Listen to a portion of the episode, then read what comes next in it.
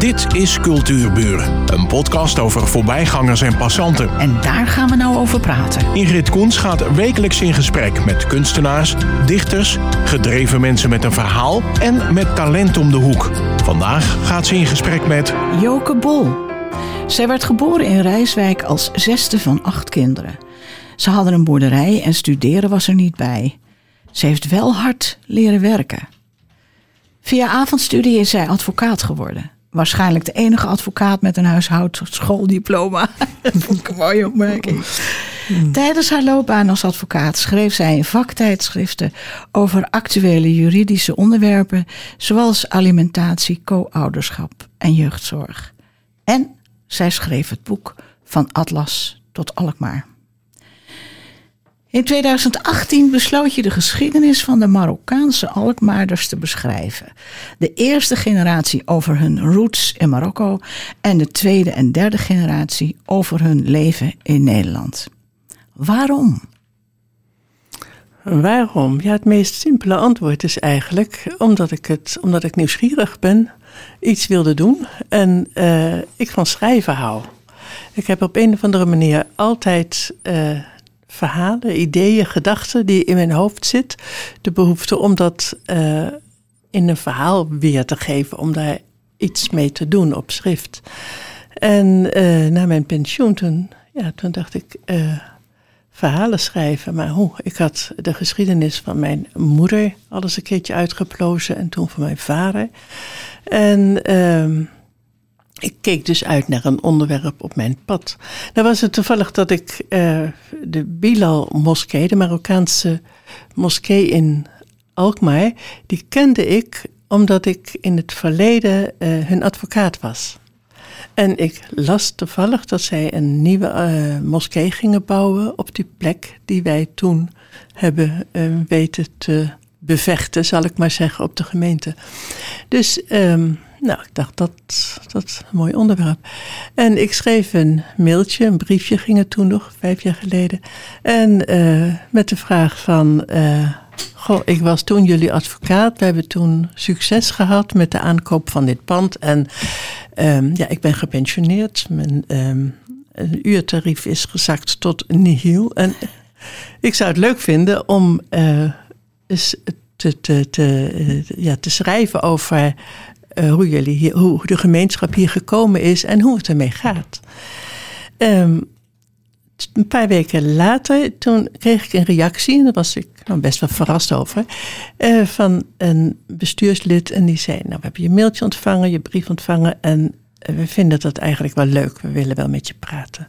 Het voordeel was natuurlijk dat ik ja, het vertrouwen had. En dat was eigenlijk ook wel wederzijds. Ik had toen goed samengewerkt met uh, Marokkanen, het bestuur toen. En andersom was dat vertrouwen er natuurlijk ook. En um, dus zo begon ik. Toen was er één contactpersoon, Dries Albenissi. toen zat hij in het bestuur. en dat is eigenlijk al die jaren mijn contactpersoon gebleven. Hij zorgde dat ik, kon, dat ik interviews kon doen. En uh, hij heeft ook uiteindelijk alle interviews bekeken. En ja, of er geen rare dingen in zitten die je gewoon niet in een boek moet zetten. Hè? Want mensen vertellen toch wel hun persoonlijke verhaal. En uh, ja, dat realiseerde ik me eigenlijk steeds meer. Dat je vraagt een openheid die niet vanzelfsprekend is. En die blijft. En die blijft. Iets wat in een boek staat, verdwijnt niet meer. En zeker als zo'n boek in het archief terechtkomt van de gemeente. Dus um, daar heb ik wel steeds geprobeerd om dat, uh, die, die, die, uh, die feedback te krijgen. Van, van uh, zeg het gewoon als dingen niet zo gezegd kunnen worden. Ik had toen het idee van, nou met één jaar, twee jaar, dan moet het toch wel lukken om zo'n boek te schrijven. Het werden er ruim vijf. Kan je natuurlijk corona de schuld geven, maar dat was het niet alleen. Het is ook gewoon best moeizaam om afspraken te maken en uh, voldoende afspraken te maken. Dus ja, zo is het begonnen. Dat is, uh, ik kan doorpraten, maar uh, je mag ook ja, ik, ja, wat dacht je? Daar kom ik al. um, we gaan even terug. Want wat mij ook heel erg boeide was... een van de eerste Marokkanen die naar Noord-Scharwoude zijn gehaald... is Hamid B. El Ouris en zijn zoon Mohamed Hamed Ouris. Wil je ons dat verhaal eens vertellen? Ja, dat was... Uh, het, het, um, wanneer, eerste, wanneer, was het ongeveer, weet je dat? Toen zij naar, naar, naar Alkmaar kwamen, dat was in 1966, zijn de eerste Marokkanen. Toen al? Ja, ja, ja, ja, ja. Um, nou moet ik even, ik wil even een slag om de arm. Het zou 1967 kunnen zijn. Nou, dat is geen uh, probleem. Dat, goed, hè, maar, um, het, e-, een van de eerste dingen die ik hoorde was dat de Marokkaanse gemeenschap in Alkmaar de wortels heeft in de Atlas. En de Atlas is het zuidelijk deel van Marokko. En dat is best apart, omdat verreweg de meeste Marokkanen in Nederland uit de Rif komen, juist uit het noorden van Marokko. En um, de vraag was dus, hoe komt dat? Ja, kan je precies. verklaren dat... En dat, is dat een verschil in mensen? Uh, om even de eerste vraag ja, ja. Uh, te beantwoorden. Uh, ze komen allebei de groepen komen uit uh, ja, de, de, de, landelijke gebieden. En eigenlijk in Marokko uh, moet je ook weten dat er best een grote kloof is tussen de stedelijke Marokkanen en de plattelands-Marokkanen. Dus dat hebben de uh, gemeenschappen met elkaar gemeen. Verder er zijn grote verschillen. De uh, RIF, de noordelijke Marokkanen, zijn uh, overheerst geweest door de Spanjaarden en de zuidelijke Marokkanen door de Fransen. In de begin, eerste helft van de vorige eeuw. En dat heeft natuurlijk op allerlei manieren ook wel. Uh, het leidt tot andere verhalen. Maar je kunt van allebei wel zeggen: het zijn allemaal Berbers. Berbers, daar worden meestal de plattelands-Marokkanen mee aangeduid. En uh, de verschillen zijn er wel, maar die zijn niet heel groot. Het verschil met de stedelijke Marokkanen is groter. Goed, waar is het begonnen? Waar kwamen de Marokkanen vandaan die naar Alkmaar kwamen? Nou, je moet weten dat de, uh, de, de, de, de grote stroom van Marokkanen, die kwam ietsje later dan de Turken en nog weer later dan de Europese gastarbeiders in de tweede helft van de vorige eeuw. Ze kwamen in principe uit Marokko via België, eh, Frankrijk, België en Zuid-Limburg. En uiteindelijk verspreidden ze zich over Nederland.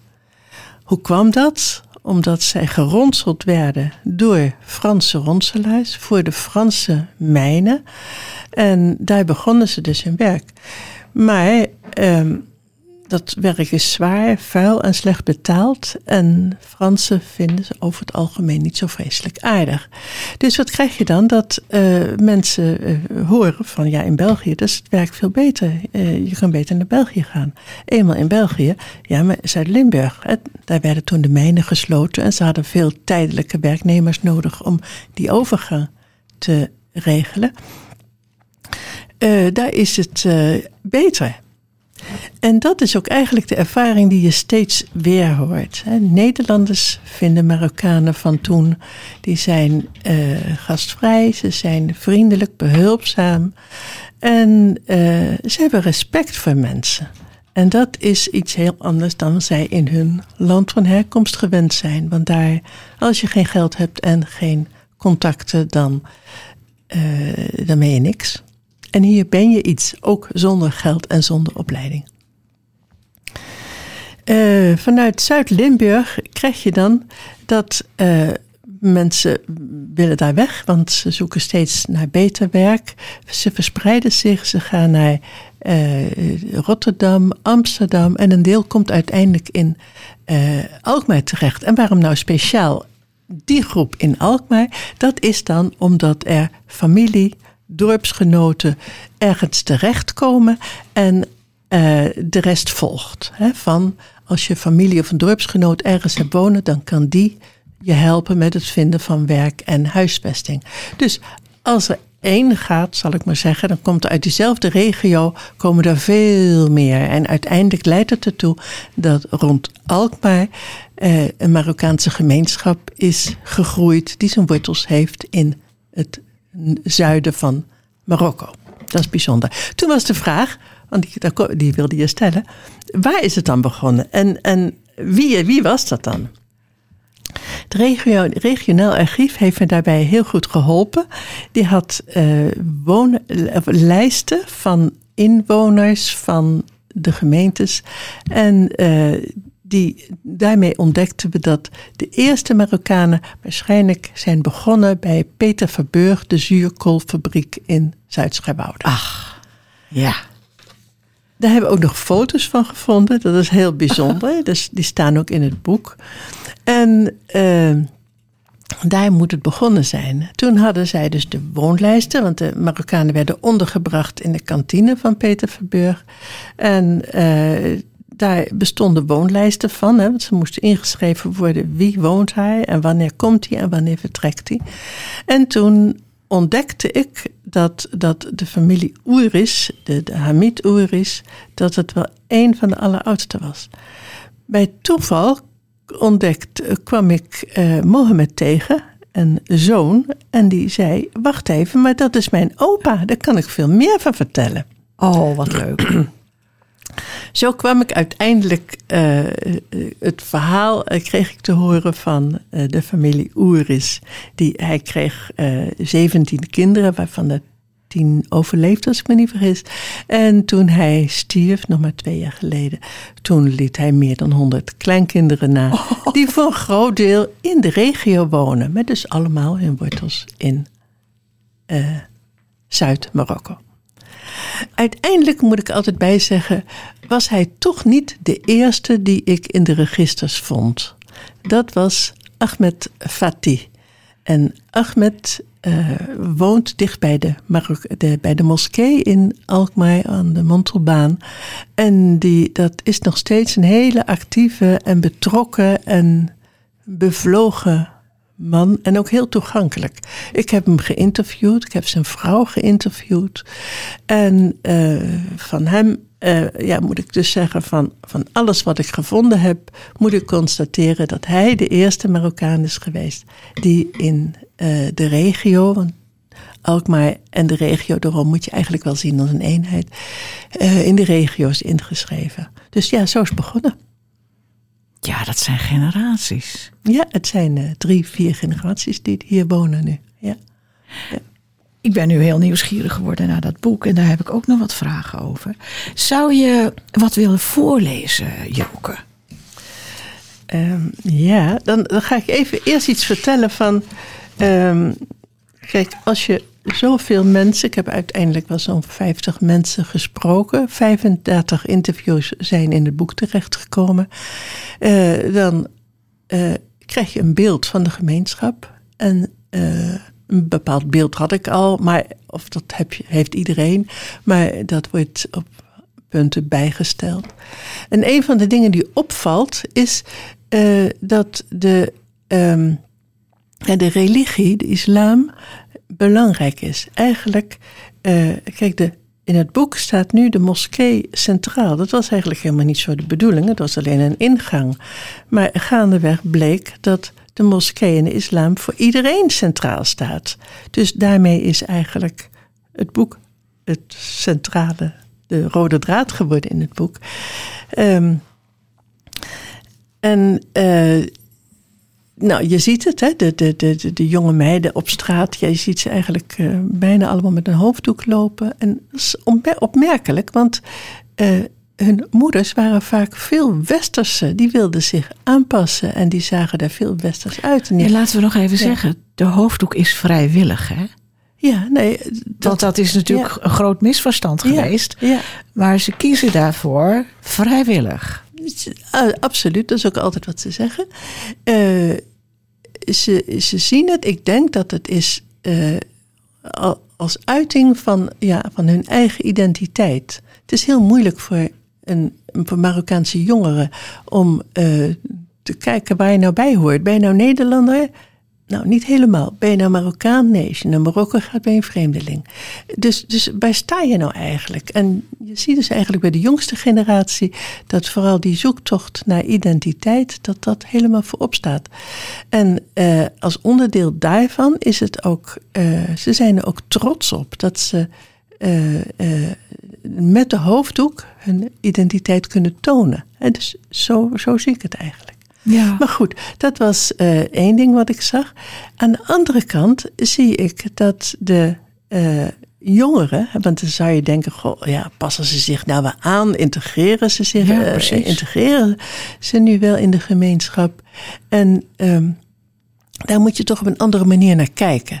Het is het zoeken naar de identiteit, waardoor die groep in uiterlijk zichtbaarder wordt, maar tegelijkertijd vindt er een, een, een, een aanpassing, een ontwikkeling eh, plaats in de gemeenschap of bij de jongeren, eh, die, die, eh, ja, die, die heel anders is. Ik spreek, en nou, je om iets voor te lezen. Nou, ik ga eens even kijken. Ehm, ik sprak Latjen, een van de bestuursleden toen, en hij vertelde eh, nou, de dingen die hij tegenkwam. Hij is een jongeman rond de dertig, heeft een klein kind, misschien heeft hij er intussen twee, dat weet ik niet. En ehm, hij zegt, eh, ondanks alle problemen heb ik vertrouwen in de toekomst. De islam in Nederland zal zich ontwikkelen zoals het christendom. Sommige christenen zijn orthodox, andere zijn liberaal en de meeste ertussenin. Dat is bij de moslims niet anders. Er zijn orthodoxe moslims die niet met vrouwen mogen praten en er zijn liberale moslims die geen problemen hebben met alcohol en vrije opvattingen. En vrije opvattingen hebben. Die, die, die diversiteit zal er altijd zijn. Met, met de jongeren gaat het steeds beter. Het is een kwestie van tijd. Wij, de nieuwe generatie ouders, hebben onze partner zelf gekozen en zijn beter in staat om samen de kinderen op te voeden. Luiers verschonen of eten geven doe ik net zo makkelijk als mijn vrouw en dat wil ik ook. Het is ook mijn kind en daar wil ik graag voor zorgen. Nederland is een land met veel vrijheid en veel mogelijkheden. We kunnen moskeeën bouwen en ons eigen geloof beleiden. Maar dan moet je je wel aan de regels houden en respecteren dat anderen anders leven dan jij. Als je het niet met de regels eens bent, kun je proberen ze te veranderen. Je kunt naar een ander land gaan, die keuze heb je. Zo. Dan zie je gewoon dat, er, dat veel jongeren best actief nadenken over hun positie Ja. en daar ook wel een vorm in vinden. We zijn eh, eh, moslim, ja, zo wat. Maar we zijn ook gewoon onderdeel van de samenleving. En dat, ja, dat vind ik eigenlijk. Het boek straalt positiviteit uit. Ja, en ja. dat is terecht, want dit is ook het beeld wat ik eruit eh overhoud. Nou, mijn, mijn vraag is natuurlijk: hoe heeft de eh, Marokkaanse gemeenschap op het boek gereageerd? Eh, het boek ligt, er nog, ligt nog niet in de winkels. Oké. Dus dat weet ik nog niet. Er is natuurlijk ook een groot verschil in, in, ehm, in, in wie het vraagt. Er is een groep eh, Marokkanen die dat interessant vinden. Ik noem je die eh, Ahmed Fatih. En zo Ja. zijn er een heleboel. Eh, die vinden het interessant. Die zien ook de relevantie ervan om hun geschiedenis, die straks gewoon verdwenen is, hè, want de oudere mensen overlijden, om dat vast te leggen. Het, het, is ook, het geeft ook voeding aan de identiteit, bewustzijn, zou ik maar zeggen. Ik moet er ook bij zeggen, een groot deel die eh, is daar echt niet mee bezig. Interesseert het ook niet echt.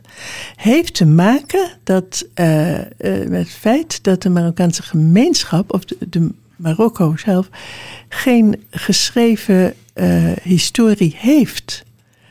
In Marokko, waar de mensen vandaan komen, is het allergrootste deel was toen eh, analfabeet. En als er verhalen waren, dus die zijn er natuurlijk, die waren er altijd al, dan zijn die overgedragen via uh, ja, mondelinge overlevering. Ja. En op iets op schrift stellen, een bibliotheek was er natuurlijk niet. Dus ze hebben niet, zoals wij, een geschiedenis van terugkijken, uh, vastleggen, uh, leren op school, hoe, waar je vandaan komt, hoe de geschiedenis in elkaar zit. Dat hebben ze helemaal niet. Dus um, de verwachting is bij de mensen die al wel geïnteresseerd zijn, dat het gewoon even tijd nodig heeft. Dat er straks jongeren die komen met vragen, die uh, een werkstuk willen maken over school, uh, op school, over hun achtergrond en over hun grootouders. En dat dan eigenlijk een, een, een moment zal zijn dat er ook vanuit de jongeren meer belangstelling zal ontstaan voor de geschiedenis. Maar hoe moeilijk is het dan om je eigen geschiedenis na te gaan? Want uh, overlevering, het is natuurlijk al een hele oude geschiedenis die ze hebben. Ja, ja. En uh, daar is eigenlijk weinig van bekend. Een van mijn vragen was ook: um, um, hoe denken de, hoe kijken de jonge generaties aan tegen de geschiedenis van hun voorouders en hun ouders? Maar die is er gewoon niet. Uh, die is er wel. Die grootouders en ouders uh, kennen Marokko natuurlijk uit. Maar van het dagelijks leven. Echt ja. van de ja. geschiedenis. Ja, uh, ja. Kijk, zodra de jongeren, uh, eigenlijk van de eerste generatie die ik heb geïnterviewd, kun je zeggen, was het overgrote deel analfabeet. Hun kinderen, die dus in de jaren tachtig hier naartoe kwamen met hun moeders, die waren al vaak, een, ja, ook veel analfabeten, maar die waren ook al vaak een aantal jaren op school geweest. En uh, hier gingen ze verder op school. En als je eenmaal kan lezen en uh, je weet waar je je bronnen kan vinden, dan uh, krijg je natuurlijk ook wel toegang tot je geschiedenis. Dus dat daar uh, de Fransen hebben huis gehouden, kun je wel zeggen. dat de Marokkanen gevochten hebben in de Tweede Wereldoorlog. Ik sprak iemand die wiens vader in 1942 was gesneuveld in Frankrijk en daar ook begraven lag. Uh, ze hebben voor Frankrijk gevochten. Ze hebben voor Frankrijk gevochten, ja. ja. Ach. Weet je, uh, ik wist het allemaal niet. Maar ik ben wel natuurlijk gaan zoeken en Ja. aan het onderzoeken. Uh, dus, dus dat soort feiten, ze horen wel iets van hun grootouders, van de Fransen, van de Tweede Wereldoorlog, van uh, de, de, de, uh, de strijd tussen de Berbers en de, en, en de stedelijke elite. En uh, als ze geïnteresseerd zijn, kunnen ze dus, gaan ze dus wel verder zoeken. He, er zijn natuurlijk ook wel in Nederland boeken over de Marokkaanse Ja, ja, geschiedenis. ja, dat denk ik wel, ja. ja. Ehm, boek bestellen. ja. Dat wordt even moeilijk, maar ik heb iets gevonden. De website van de Historische Vereniging Alkmaar. Nee. Daar kun je, kun je voor inschrijven. Ja, natuurlijk. Ik moet Ja, het ja, goed ja, sorry, zeggen. hè. Maar sorry. goed, dat is even een houvast als u interesse heeft in het boek Van Atlas tot Alkmaar. Van Eh, Atlas, sorry. Het is van Atlas naar Alkmaar. Naar Ze Alkmaar. zaten, waren, woonden in de Atlas en trokken naar Alkmaar. Ja, dus definitief is, eh, natuurlijk. hè. Ja, ja. Ehm, dan heb ik er nog één. Ehm, welke problemen ervaren de jongere generaties in het opgroeien in twee culturen? Biedt dat ook extra kansen? Ja, eh, natuurlijk. Alleen zijn, eh, zijn zich dat bewust, moet je eigenlijk eh, vragen. Ehm, problemen zijn heel duidelijk. Hè? Wat je van de eerste generatie hoort is dat Nederlanders zijn gastvrij, behulpzaam, respectvol. Eh, de tweede generatie ontmoet al veel meer problemen. Ik, ik heb mensen geïnterviewd die hier kwamen als kind of als uh, jongeren. En uh, die, die, die aanpassing naar de Nederlandse samenleving was, was voor sommige families ontzettend moeilijk. Ja. Daar heb ik echt wel heel uiteenlopende verhalen ook over kunnen opschrijven. Um, toch is die generatie, zeg maar de tweede generatie, die nu, dus zeg maar de vijftigers, de zestigers, die hebben op, denk ik, van groot, grotendeels wel hun weg gevonden. En die weten wel een balans tussen de ene, tussen de culturen. Die jongeren, da, dat is uh, dus veel lastiger, hè, want ze zijn dus vaak uh, ja, aan het zoeken. En wie, wie ben ik en wat. En uh, voor. Um, een deel daarvan die is zich daarvan ook heel bewust. En die ziet ook inderdaad het voordeel dat je zaken vanuit twee kanten leert bekijken. Het is vanuit de Nederlandse samenleving is dit vanzelfsprekend. En vanuit uh, de Marokkaanse samenleving is het helemaal niet vanzelfsprekend. Maar zijn er weer andere dingen die heel vanzelfsprekend zijn. En uh, mensen doen daar hun voordeel bij. Ze, de tweetaligheid kunnen ze gebruiken. De, uh, de, de, de, de, de, de, ruime blik kunnen ja, ze gebruiken. Ja. En dat maakt nou, ze als soms u heel creatief. daar nou meer over wil weten, wacht dan even op het boek van Atlas naar Alkmaar. Geschreven door Joke Bol. Fijn dat je er was, Joke. Ja, graag gedaan. Ik vond het heel leuk om hier te zijn. Dit was Cultuurburen. Een podcast van Ingrid Koens en Streekstad Centraal. Bedankt voor de aandacht en tot de volgende Cultuurburen.